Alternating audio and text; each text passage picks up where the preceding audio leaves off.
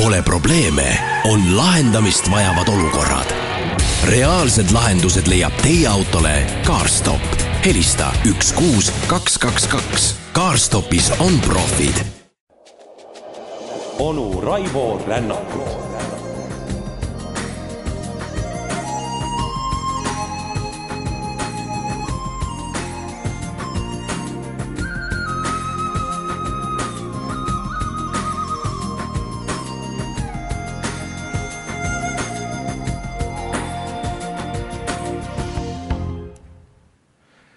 ja tere hommikust, kaunist helget pühapäeva, kus päike nii kenasti Kuku raadio aknast sisse piilub. ehkki tänane päev, kui vaadata ülemaailmseid meeleolusid, ei olegi nii helge, sest kõik me langetame pea Jaapani looduskatastroofis eh, hukkunute mälestuseks. ja kui rääkida eh, meie rännakutest ja eh, selle kangelasest, siis ei ole tema vaateväli ulatunud nii kaugele kui Jaapanisse ning see on ka arusaadav, sest see maatükike oli paraku eurooplase mõttemaailmast vaata et sisuliselt välja lülitatud. ja nii me keskendumegi Euroopasse, ehkki ütlen etteruttavatelt, mitte ainult. ning me läheme koos meie peategelase ehk siis Nostradamuse ennustustega kolmekümne kolmanda Katrääni juurde, mis viib meid aastasse tuhat üheksasada kolmkümmend kolm. jällegi hämmastav ettenägelikkus, kui arvestada, millisel ajal Nostradamus elas. ning eh, see nelikvärss kõlab meil siis vaat nii. linnas, kuhu hunt sisse hiilib, seal lähedal varitseb vaenlane võõras vägi neelab suure riigi, sõbrad ületavad müürid ja Alpi mäed. ja sellega läheme me sellesama tuhande üheksasaja kolmekümne kolmanda aasta kurikuulsa Anschlussi juurde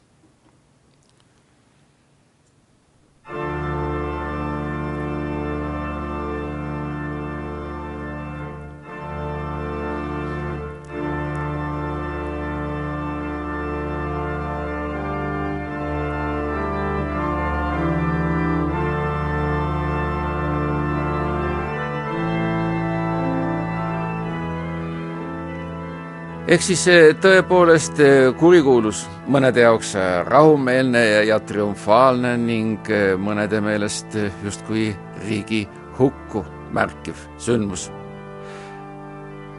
ehk aastaindeksit kolmkümmend kolm arvestades on tegemist ei kellegi muu kui Adolf Hitleri plaanidega, mida ta Austria suhtes juba ammugi haudus Pole siin midagi imestamisväärset, sest tegemist on tõepoolest austerlasega ning säärase aktsendiga Hitler kuni elu lõpuni ka rääkis.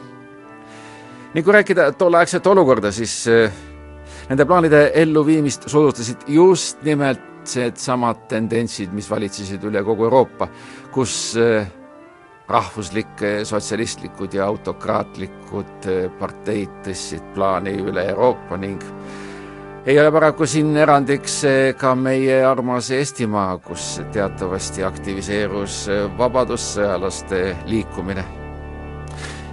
ning just selles valguses soodustasidki kõiki järgmisi sündmusi viiendal märtsil tuhande üheksasaja kolmekümne kolmandal aastal toimunud üldvalimised, kus Hitleri natsionaalsotsialistid võitsid lausa nelikümmend neli protsenti hääletunute toetusest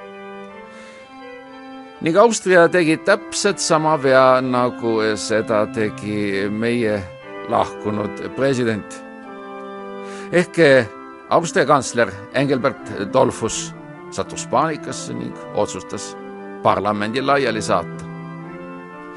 jällegi mäletame, mis kõige sellega liitus ning kuidas lõppeski Eesti riigi eksistents, sest lihtsalt ei olnud rahvaesindust ning vastavat hääletust olemas nõnda haaraski Dolfust endale diktaatori võimu ning äh, vältimatult puhkesid Viinis natsimeelsed mässud, mida ei suudetud ohjeldada nii tõhusalt, nagu seda tehti omal ajal meie vapside liikumisega, kus mehed sisuliselt istusid raudpuurides kuulipildujate torude all. nii kaugel polnud riik ka lausa kodusõjast, nii kaugele läksid need kokkupõrked. Ja kahekümne viiendal juulil tuhande üheksasaja kolmekümne neljandal aastal seesama Dolfus ka hukkus kodukootud natsi käe läbi. ning neli aastat hiljem, pärast paljusid muidki vägivallategusid, toimuski anneksioon. Anschlussile järgnes ulatuslik nõndanimetatud Heim ins Reich kampaania, millega Hitler siis püüdis veenda, et kõik väljaspool Saksamaad elavad saksa sünniperega ning saksa keelt rääkivad inimesed peavad otsustama nii-öelda Suur-Saksamaa kasuks ning kui vaadata kas või tolleaegset filmikaadrit, siis ilmselt ka natsirežiimi suhtes skeptilised inimesed peavad tõdema, et entusiasm ning toetus sellele oli lausa uskumatu, kui vaadata kõiki neid manifestatsioone, mis toimusid Austria tänavatel ja väljakutel.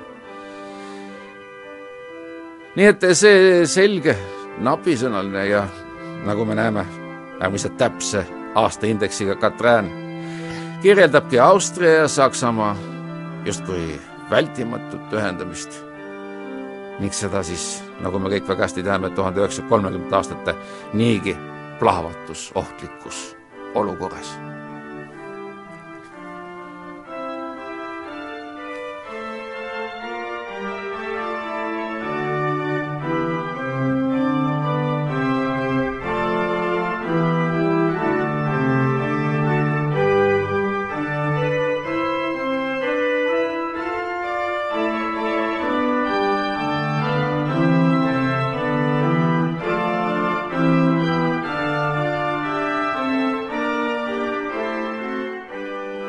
ja läheme Katrääni juurde, mis kannab numbrit kuuskümmend seitse ning olgu etteruttavalt öeldud, et vaat siin on ilmselt tegemist aasta see veaga. ehk ilmselt me peame seda meie ennustajale andeks andma, sest ajalõtk on tõeliselt pikk. ehk nagu uurijad on arvanud või siis ka, kui soovite, kindlaks teinud, see viib meid tegelikult tuhande üheksasaja kuuekümne kaheksanda aasta sündmuste juurde ning olgu veel ka öeldud, et midagi on siin natukene ühist kas või äsjaste sündmustega meie armsal Maarjamaal, kuid nüüd sõbrad Katrääni juurde. vägev segadus maikuus. Saturn jääras, Jupiter, Merkuur sõnnis, samuti Veenus vähis ja Marss neitsis langeb rahet, terad munast suuremad. ehk nagu siis öeldud, on kindlaks tehtud, et siin meie Nostradamus tõesti eksib, ehkki kõigest ühe aastaga ning nagu öeldud, pole midagi imestada, sest on möödunud tervelt nelisada kaks aastat selle ennustaja surmast ja jutt on tuhande üheksasaja kuuekümne kaheksanda aasta maikuu mässudest Pariisis.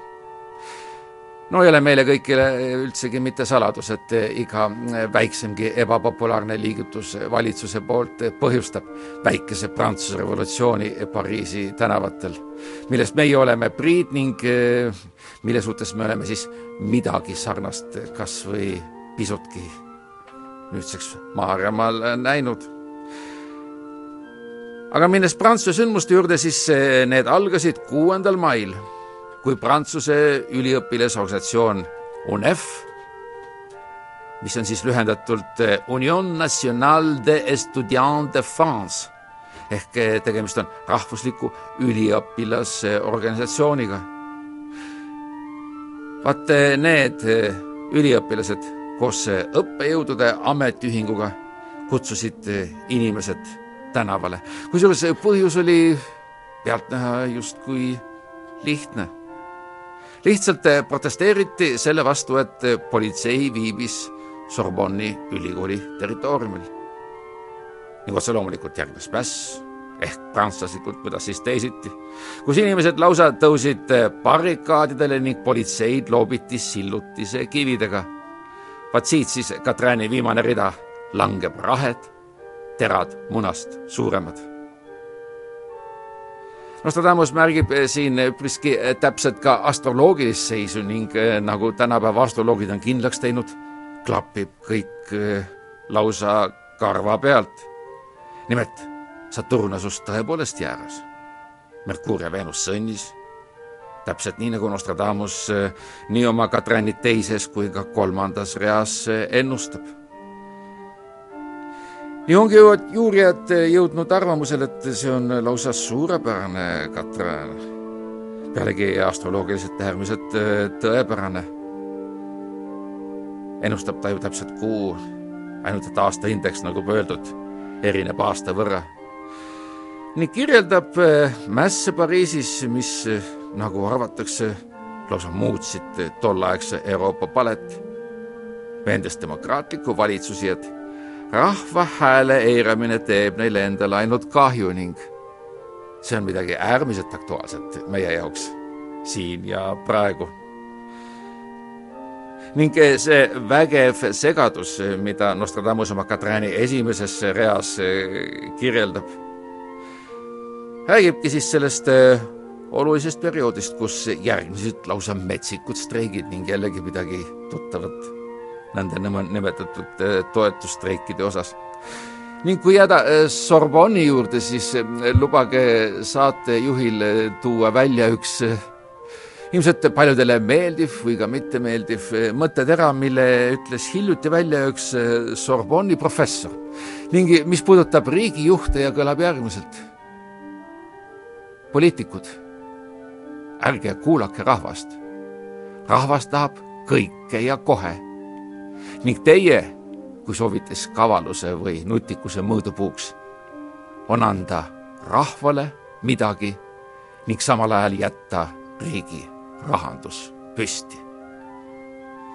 nii et eh, midagi meie jaoks äärmiselt mõtleva panevat ning ma arvan, et kõrgelt haritud päid tasub ikka kuulata. eriti, kui need tulevad säärasest mõttekeskusest, nagu seda on Sorbonni ülikool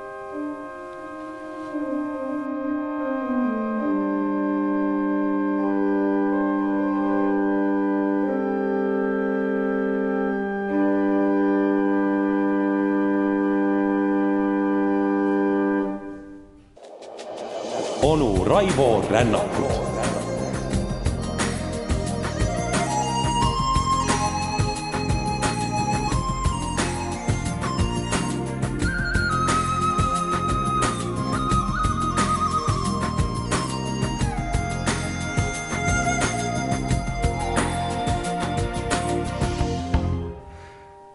aga nüüd siis ka eh, kaugema ajaloo juurde, mis tunduvalt lähedam Nostradamusele ja justkui siis eh, ka arvamus, et eh, seda täpsem võib see olla. ning tuleb öelda, et eh, ta seda tõesti on. kusjuures minul siin on väike küsimärk Katrani numbri kohta, mis kannab nimetust üheksakümmend kaks ja ometigi asjasse pühendunud uurijate seisukohalt kajastab ta hoopiski tuhande viiesaja seitsmekümne esimese aasta sündmusi ei tea, milles on see põhjus, kuid äh, read on äärmiselt kõnekad ja äärmiselt täpsed ning nad on siis säärased. vapra kapteni pea raiuti maha, see heideti vastase ette. keha ripakil raanukas oma laevnike ees, nad taanduvad hirmus, vastu tuult aerud ja eks see viib meid eh, kuueteistkümnendasse sajandisse. ehk eh, kõik see öeldu osutab pühapäevale, mis oli seitsmendal oktoobril tuhande viiesaja seitsmekümne esimesel aastal. siis, kui toimus Patrase lahe põhjaosas eh, kuulus Lepanto merelahingus. ühel pool on renessansiaegse Euroopa mõjukad riigid ning teisalt ikka rohkem pead tõstva Osmanite impeeriumi laevastik. eks see on kuulus lahing, kus Osmanite admirali Ali Pasha laevastik eh, võistles nõndanimetatud Püha Liidu merejõududega, mida juhatas Don Juan de Austria. siinkohal on tegemist siis Habsburgitu suguvõsa esindajaga, kes teatavasti oli tollal troonil nii Hispaanias kui ka Austrias ning pole siis ka imestada, et hilisema Lõuna-Ameerika troonidelgi istuvad just selle suguvõsa esindajad. kuid rääkides sündmustest, see oli lahing, mis toimus peamiselt sõudelaevade ehk siis galeeride ja galeasside läbi. siit siis ka eh, viimased sõnad vastu tuult aerud ning eh, see on eh, teatavasti viimane suur sõudealuste lahing ajaloos ning õige pöördub selle kokkupõrke lahinguõnn türklaste vastu. see juhtub siis, kui Osmanite lipulaev nimega Sultana põrkub kokku Püha Liidu lipulaevaga, mille nimeks La Real. nii et nende taglased äh, kokku põrkuvad ning enam lahti ei pääse ning eh, nõnda kujunebki välja võitlustanner, mis on ideaalne nõndanimetatud abordaaži võitluseks, kus siis eh, pardal olevad eh, merejalaväelased lahingusse astuvad. ning õige pea kandubki lahing sellesama moslemite sultana nimelise laeva pardale, kus vastamisi on eliitväeosa janitšerid ning kristlased antakse kogu pakk äh, arkepuusidet, mis on siis äh, esialgne musketit äh, versioon, kus teatavasti tulistatakse veel hargit, niivõrd rasked olid tolleaegsed primitiivsed tulirelvad. ning siis lastakse käiku uskuge või mitte, ka vibud ning otse loomulikult sirged ja kõverad mõõgad, vastavalt millised siis kumbki pool kasutas. ründavad hispaanlaste nõndanimetatud tertsiosed ehk siis see on see kuulus piigirünnakut kasutav äh, väeosa, mis on sedavõrd järjepidev, et äh, vaatamata sellele, et ta nii esimest kui ka teist korda tagasi tõrjutakse, murrab ikkagi kolmandal korral läbi. kusjuures Ali Pasha tapetakse ning vaatamata sellele, et Don Juan oli andnud lausa selgesõnalise käsu mitte Ali Pashat tappa raiutakse lahinguhuumast tal ikkagi pea maha. ning seejärel viiakse see pea Don Juanile, vaat siiski, siis siit Katranist esimese ja teise rea kirjeldused, mis räägivad, kuidas vapra kapteni pea maha haiutakse ja siis vastase ette heidetakse.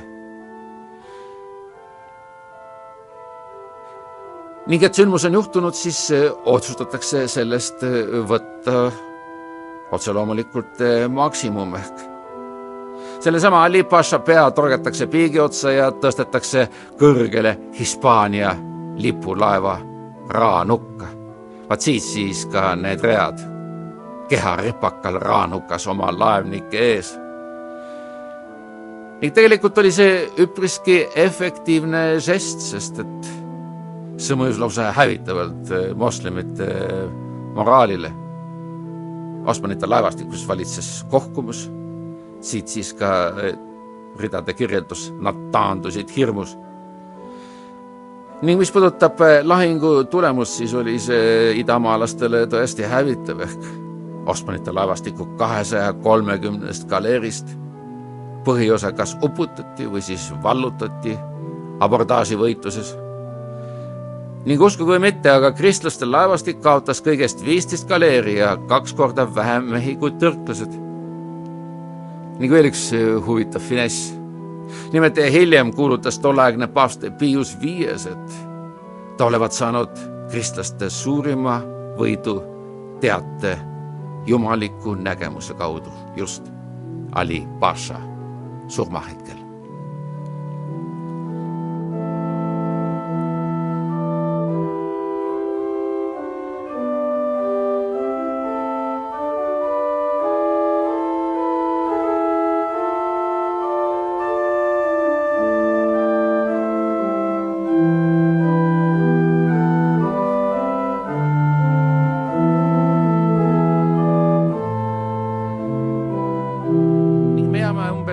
Samasse ajalooperioodi ning äh, vaatame ka trääni, mis äh, käsitleb Inglismaad ehk äh, tulevast Briti impeeriumit ning lausa hämmastav on, kui palju Nostradamus, prantslasena, pühendab oma nägemustest just nimelt sellele riigile ning ilmselt ka siin on tema prohvetlikkus, kui vaadata kas või suurt Euroopa ajalugu, kus britid tõesti saavad maailma tegijateks. Niisiis, sajas Katrin, mis viib meid aastasse tuhat kuussada ning kõlab järgmiselt. Inglismaast suurim saab impeerium, kõikidest vägevam üle kolmesaja aasta. tohutud armeed üle mere ja maa tulevad, lusitaanid pole sugugi rahul. Äärmiselt erandlik Katrin, mis ei kõnele mõistukõnes, vaid on lausa, kui soovite, pisikene poliitiline dokument, nii et vägagi sirgjooneline mõtteavaldus. Kui rääkida Katrinist endast, siis avaldati see tuhande viiesaja kuuekümne kaheksandal aastal, nii et kõigest kaks aastat enne, kui kõik need sündmused toimusid, võib-olla sellest siis ka säärane konkreetsus ja sirgjoonelisus, kuid huvitav on see, et need kaks aastat enne mainitud tuhande kuuesajandat aastat on Inglismaa veel suhteliselt eh, nõrk jõud valitseb eh, kuninganna Elizabeth Esimene, kes peab taastama oma riigi suurust, mille tema isa Henry Kaheksas teatavasti oli rahanduslikult äärmiselt kehva seisu viinud. kuid võtmeküsimus peitub siin ühes äärmiselt tähelepanuväärses žestis. Nimelt just siis andis Elizabeth Esimene Briti Ida-India kompaniile kuningliku eesõiguste kirja ning tegemist on tõesti globaalse haardega kompaniiga, mis määrabki nii selle riigi kui ka maailma edasise saatuse. paljud peavadki seda kompaniit eh, nõndanimetatud esimeseks hargmaiseks korporatsiooniks ning sellele rajanebki tõusva impeeriumi sisuliselt äriline aluspõhi tervelt kahesaja viiekümne kaheksandaks aastaks. ning kui vaadata viimast rida, mis räägib sellest, et lusitaanid pole sugugi rahul, siis siin on otse loomulikult eh, Rooma-aegse määratlusega, mis mainib portugallasi ja hispaanlasi, Briti impeeriumi konkurenti, kui mõelda kas või armada hukule ning otse loomulikult ei ole nad rahul. ja hoolimata arvukatest nii tõusudest kui ka mõõnased, mis tabasid seda tulevast suurriiki lausa kolmesaja aastase ajaloo jooksul. siis võib öelda, et tuhande üheksasaja kahekümne esimeseks aastaks tõesti-tõesti Briti impeeriumile kuulus lausa veerand maailma rahvastikust ning veerand maismaast ja nõnda jõutaksegi täpselt nii, nagu Nostradamus omal ajal oli ennustanud olukorda, kus ongi loodud impeerium kus, nagu me kõik teame, päike mitte kunagi ei loojunud. ning kui eh, vaadata tänast eh, päeva, siis eh, neid järelmeid näeme vaatamata sellele, et suur impeerium justkui eksisteeris sisuliselt siiamaani. taotleb ju ka praegu Euroopa Liidu raames Suurbritannia oma Commonwealthi ehk siis vabatahtliku rahvaste ühenduse tarvis kõikvõimalikke endisi asumaid käsitlevaid majanduslik, kaubanduslikke soodustusi ning kui vaadata asja puhtpraktiliselt ja visuaalselt, siis nõnda olemegi jõudnud olukorda, et just sellesama suure impeeriumi järelmite tulemusena, kui kõnnime Londonis, siis ega me naljalt valget inimest tänavatel ei näe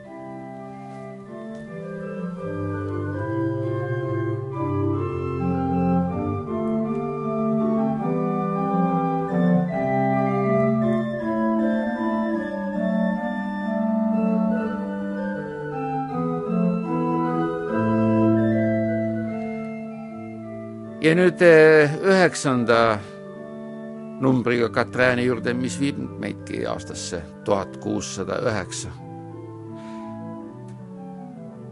ja Katrääni ridades kirjutatakse järgmist. idast saabub Puunia süda, Hadrianust ja Romuluse pärijaid vihale ajades. Liibüa laevastik saatel. Melillalased värisevad naabersaared tühjaks jäävad. vaat see Katrin on valmistunud uurijatele palju peavalu, sest niivõrd laialivalguv ja niivõrd hektiline see on ning ka eh, seletus on üpriski, kui soovite, kaugelt otsitud. esimeses reas räägitakse Puunia südamest. no puunlasteks nimetati teatavasti omal ajal kartaagolasi. Ja arvatakse, et seesama Puunia süda vihjas kuueteistkümnenda sajandi Prantsusmaale reeturlikkusele. no kui rääkida puunlastest või kartaagolastest, siis on teada, et omaaegne väejuht Hannibal murdis Roomaga lepingut, kui ületas Ebro. kuid arvatakse, et siin võib olla tegemist ka sõnademänguga. ehk Katrani esimene rida, mis prantsuse keeli on Del Orient viendra le coeur punique, siis see coeur puni võib teises tähenduses olla hoopiski tähistamas nõndanimetatud karistatud südant. Ning see on viide Rooma riigile, millest samuti räägitakse Katriini teises reas, kus Rooma keisrile Hadrianusele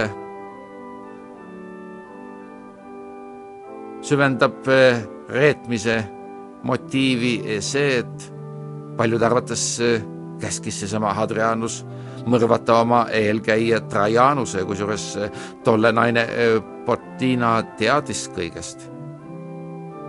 nii et meil on tegemist idast lähtuva reetmisega. mida see siis tähendab? arvatakse, et see seostub mauride ja moriskide ehk siis valgete ja mauride järeltulijate lõpliku välis, väljakihutamisega Hispaaniast pärast seda, kui Reconquista on lõppenud. see algas kahekümne teisel septembril sellel samal tuhande kuuesaja üheksandal aastal ning arvatakse, et see oli põhjustatud üpriski alusetust ettekäändest. justkui oleksid needsamad maurid pidanud ühendust uue tõusva võimukeskuse ehk Türgi impeeriumiga.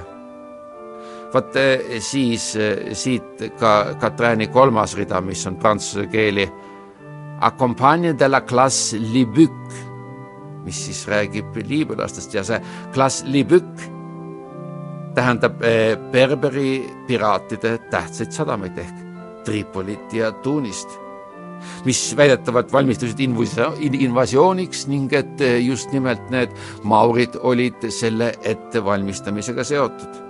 Oli kuidas oli, kas oli tegemist otsitud ettekäändega või mitte, kuid säärane aktsioon läbi viidi, kus viie aasta jooksul sundus tervelt kolmsada tuhat mauri üle Vahemere Magriibi ning arvatakse, et nad läbisid kunagise Puunia koloonia territooriumi ehk Melilla, mille hispaanlased olid Reconquista käigus tuhande neljasaja üheksakümne seitsmendal aastal vallutanud.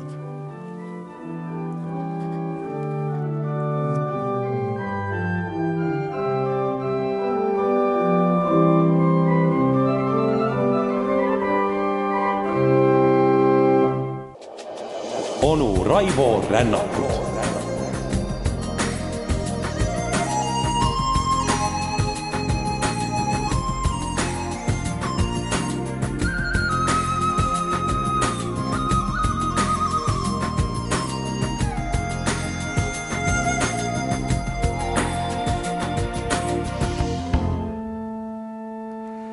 kümnes Katrin ja aasta tuhat kuussada kümme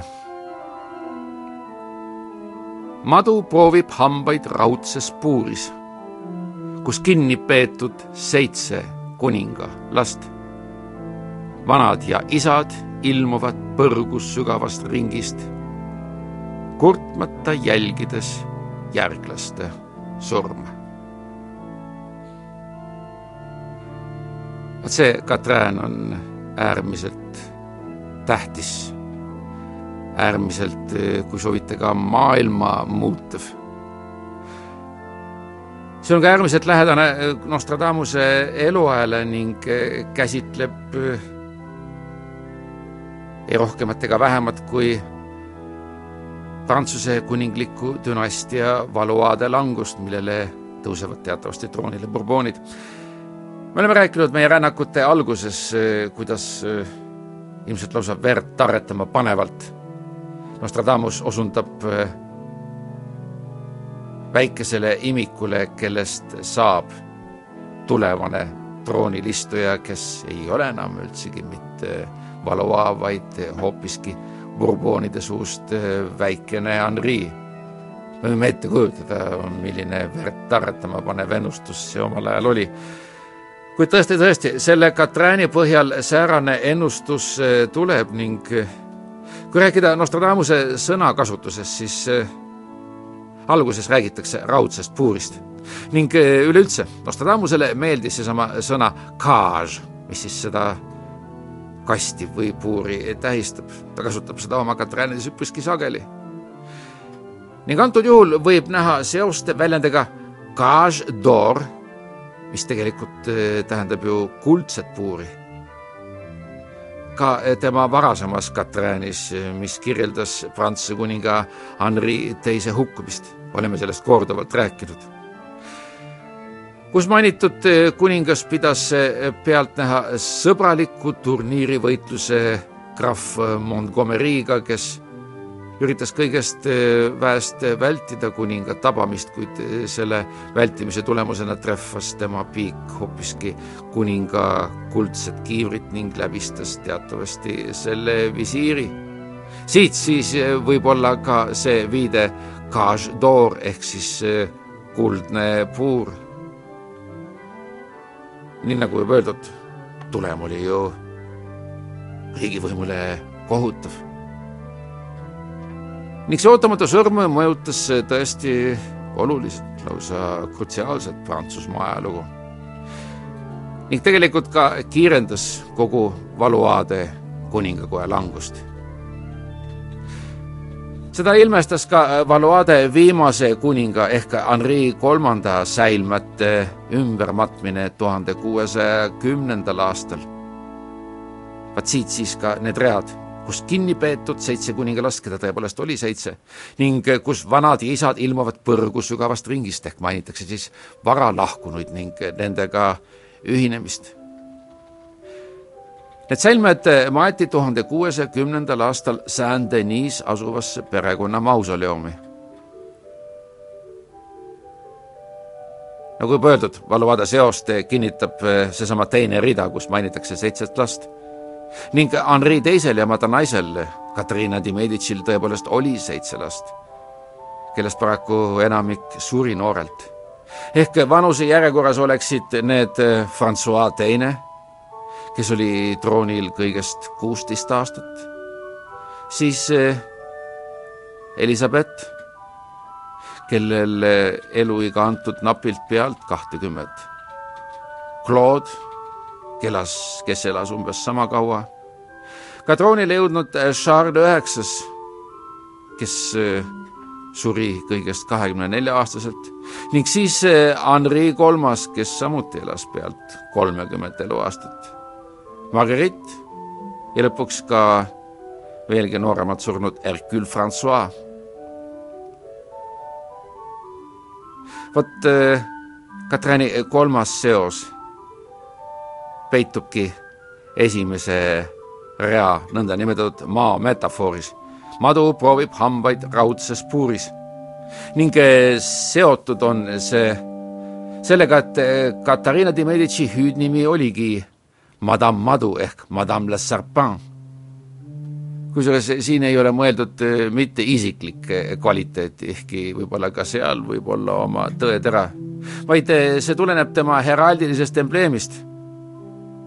Nimelt eh, oli ta pärinud selle pärast Henri teise surma ning vapil tõesti on oma saba neelav madu nii et peale mainitud turniirivõitluste algabki Prantsuse Valoade koja lõplik langemine ning selle põhjuseks olid ka äärmiselt ranged frankide kunagi kehtestatud seadused. Oleme ju korduvalt rääkinud sellest, et erinevalt inglastest ei lubanud prantslaste seadused trooni pärimise naissoost isikute kaudu. ning nõnda juhtuski, et täide läks lausa skandaalne Nostradamuse ennustus, et Valois pididki loovutama oma valitsemisvõimu Bourbonidele. tänu sellele, et needki põlvnesid lausa Louis üheksandast ehk Louis pühast. Ja nõnda tulebki Navarra Henri troonile, kes läheb ajalukku kui Henri Quatre ehk kuningas Henry neljas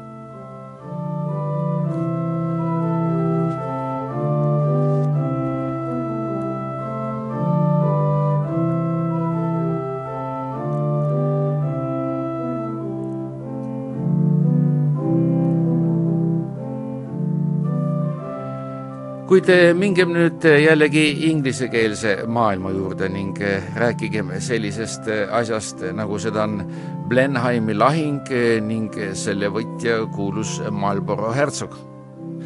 neljas Katrin ning aasta tuhat seitsesada neli ning need read toovad meieni järgmise teadmise. väejuht äkki kesköötunnil ennast päästes kärmelt kaob aastat seitse hiljem kuulsus ikka särab. tagasi kõik teda kutsuvad.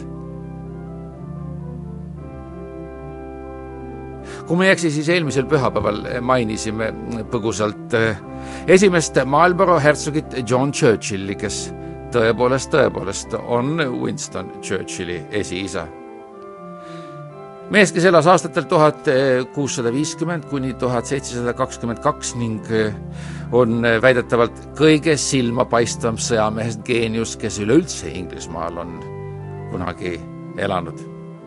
ning me rääkisime seda seoses eh, kuulsa revolutsiooniga. ehk kus seesama John Churchill sisuliselt reetis oma käskija James teise kuna mainitud eh, Churchill oli veendunud anglikaan ning James teatavasti jakobiitide liikumise eestvedaja ehk siis katoliiklane. nimelt anti eh, Churchilli väed tuhande kuuesaja kaheksakümne viiendal aastal Monmouthi mässu ajal Fevershami krahvi alluvusse. aga nagu öeldud, religioon vedas pikema kõrre. ka on teada, et Marlborough oli peatselt troonile tuleva Hollandist pärit Oranje Villemi sõber ning nõnda tegelikult Marlboro otsustaski kuulsa revolutsiooni käigus, sest et äh, ta viis oma väed James teise tagant ära. äkki kesköötunnil, nagu kirjutab oma esimeses Katrani reas Nostradamus just nimelt Villemi poolele. nõnda ennast päästes, nagu Katran jällegi jätkab ning tehes äärmiselt õige valiku, sest et see kindlustabki talle ajalukku minemise ja lausa hiilgava sõjaväelise karjääri. mis puudutab Blenheimi lahingut, siis see on tõesti kõige säravam kübarasulg mainitud väejuhi karjääris, kes üleüldse oli äärmiselt võidukas seitsmeaastases sõjas, mis kaheksateistkümnendal sajandil Euroopa lahingutandritel möllab ning tema kõige kuulsam lahing ehk Blenheimi lahing toimuski kolmeteistkümnendal augustil tuhande seitsmesaja neljandal aastal, kus eh, tänu erakordselt eh, oskuslikule ratsaväe kasutamisele ja manööverdamisele suudab ta oma eh, väed viia vaenlase selja taha ning lüüa Prantsuse marssal Talari tunduvalt tugevamad armeed. Ning ka tulemused on lausa uskumatud ehk lahingus langes või sai haavata üle, pangem tähele kolmekümne tuhande prantslase ja baierlase, kusjuures üksteist tuhat prantslast võetakse vangi, samal ajal kui Marlboro enda kaotused on mitmekordselt väiksemad. ja nõnda saabki temast kuulsus. Ning talle kirjutatakse kiidulaule. Ja muide, just nende teenete eest kingitaksegi talle see siiani hiilgav Blenheimi palee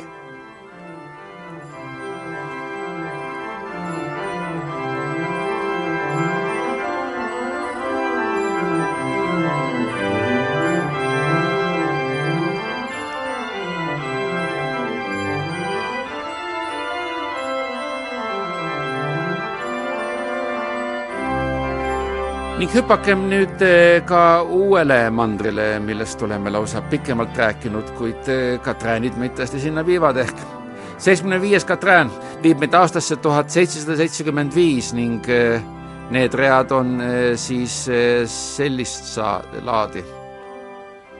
kes ainsana võitluseks valmis, poolt vahetab.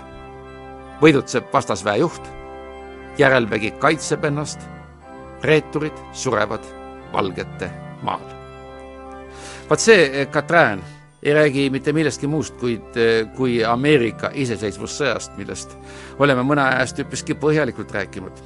ning eh, ühe selle kõige kuulsamast pojast, keda me muide mainisime äärmiselt põgusalt, ehk Paul Revere'ist.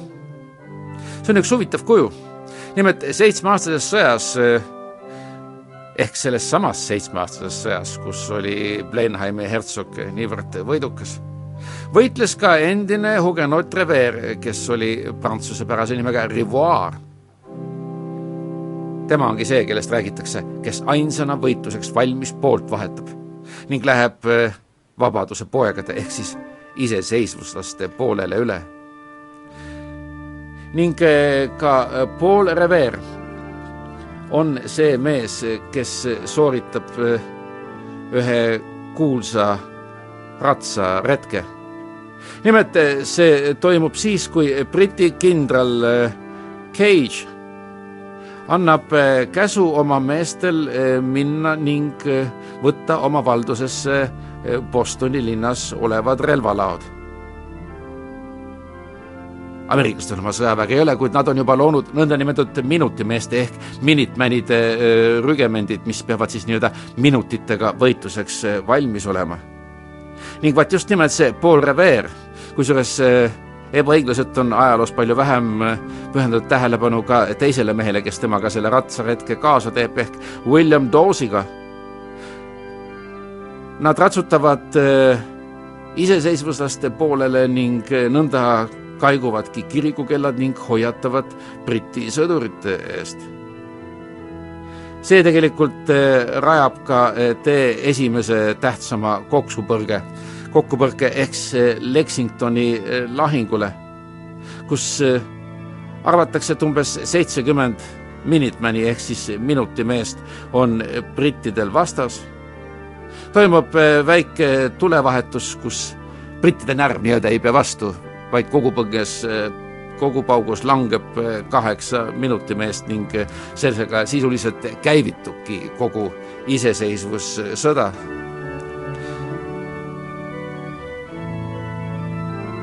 ning see kõik toimub kaks päeva enne ametlikku Ameerika revolutsiooni algust. ning Nostradamus mainib ka täiesti õigest inglaste esimest võitu Bunker Hilli lahingus mis toimub eh, seitsmeteistkümnendal juunil ning ka Katrin räägib sellest, kus eh, võidutseb vastasväe juht. ning ta osutab eh, talle omasel kodeeritud viisil ka lahingu täpset paika, kus ta mainib oma viimases reas, et reeturid surevad valgete maal. ning põhjuseks on koha nimi Breeds Hill, mis tõepoolest oli indiaanlastelt ära võetud valgete maa nii et Katrin on äärmiselt üksikasjaline ning kirjeldab sündmusi, mis viivad Ameerika iseseisvusse alguseni ning samuti tollase vastasseisu muutliku käigu sündmustele kogu selle sündmustiku esimestel kuudel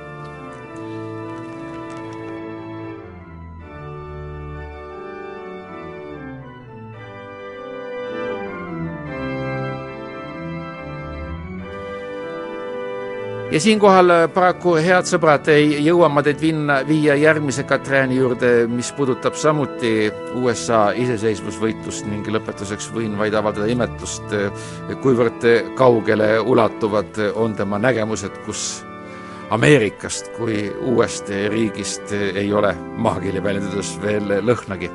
kuid me jätkame sellega ning siis on meil vaatluse all seitsmekümne kuues Katrään, mis viib meid tuhande seitsmesaja seitsmekümne kuuenda aasta juurde ning räägib samuti üpriski vähetuntud isikust, kes aga omab lausa teed rajavat tähtsust Ameerika iseseisvuse väljakuulutamisel. seniks aga kaunist pühapäeva.